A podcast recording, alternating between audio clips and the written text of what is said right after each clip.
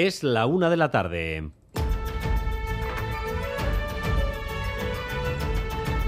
Crónica de Euskadi con Dani Álvarez.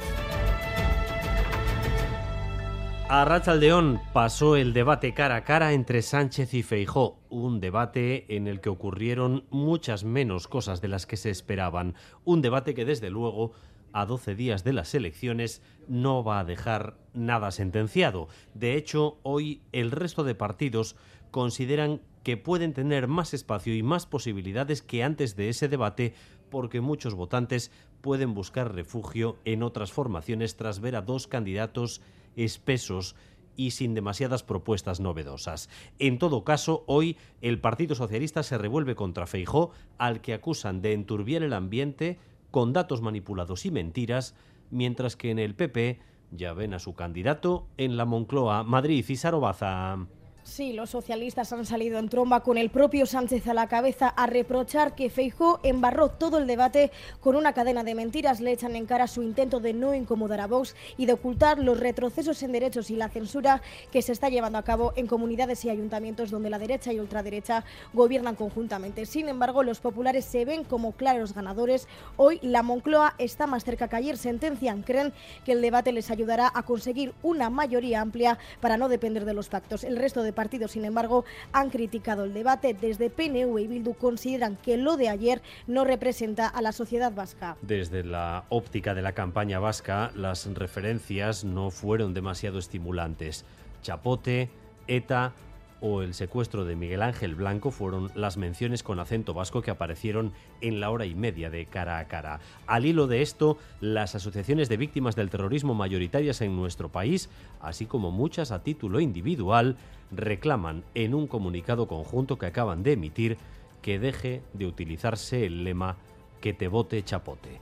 La posibilidad de un cambio político asoma y esto empieza a inquietar en algunas instituciones, por ejemplo, en el Ayuntamiento de San Sebastián, cuyo alcalde cree que si Vox gobierna con el PP, se puede ir al traste la operación de los cuarteles de Loyola, con la que se pretenden construir 1.700 nuevas viviendas en la ciudad vasca, más ahogada por la escasez de pisos. David Beramendi. Sí, el alcalde Necogoya no disimula su preocupación. Por enésima vez ha llamado a la ministra de Defensa Margarita Robles, pero esta sigue sin poner fecha y hora a la firma definitiva de la compraventa de los cuarteles de Loyola. El tiempo pasa, las elecciones están a la vuelta de la esquina y Goya teme que un futuro gobierno del PP con Vox deje en papel mojado toda la operación. Recordemos que el acuerdo establece que Donostia pagará 73 millones a defensa y que el ejército abandonará los cuarteles en un plazo máximo de cuatro años.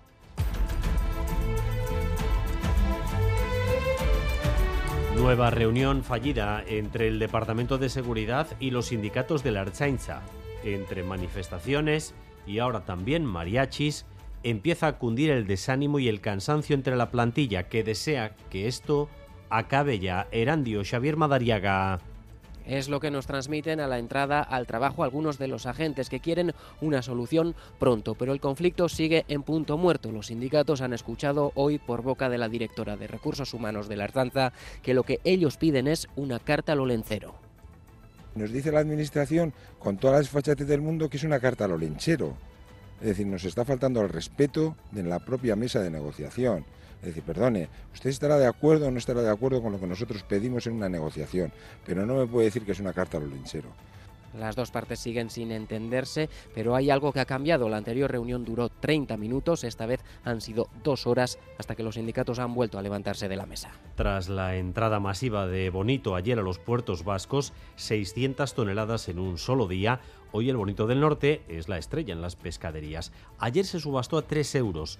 ¿A cuánto lo estamos comprando hoy la ida Basurto? Pues a 4,70 en entero en una pescadería de Zarautz, antes estaba a 7 y la rodaja a 11,40 el kilo, euro y medio más barato que hace unos días. Una pequeña bajada de precio que los consumidores agradecen y también las pescaderías que ven cómo aumentan las ventas. Está la gente muy contenta porque ha bajado un poco el bonito y está llevando el bonito. Sí, porque es pescado de temporada y al principio apetece mucho. Marmitaco. Yo con tomate voy a hacer esta vez. Si no, a veces hago la plancha, depende.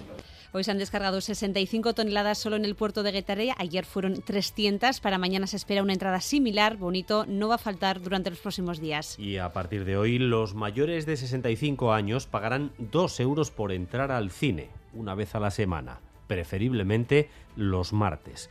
14 cines de Vizcaya, 11 de Guipúzcoa, 3 de Araba y 7 de Navarra se suman a esta campaña. Hay que sacar la entrada en la misma taquilla previa identificación y acreditación de la edad.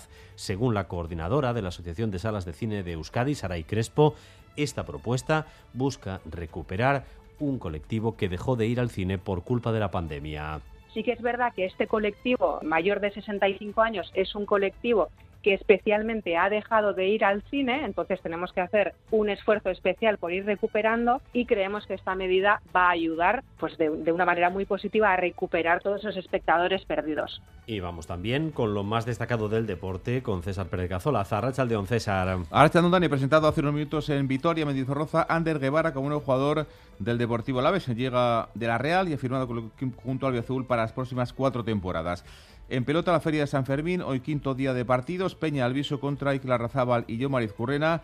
A estos últimos les basta con hacer 10 tantos para estar en la final del viernes en el Abriz. Y en Malomano, la IHF ha comunicado este martes la lista de equipos participantes en la competición europea, relación a la que no está Vidasoa. No jugará, por tanto, en Europa el conjunto Iruntarra. Seguimos con la prevención por el calor, especialmente en el interior del país, sur de Álava y en la ribera de Navarra. Hasta última hora de la tarde, de la tarde se pueden alcanzar máximas de hasta 40 grados. En el resto del país, temperaturas mucho más suaves, nubosidad, especialmente en Vizcaya y en Guipúzcoa, nubes que se extenderán por la tarde también aparte de Álava.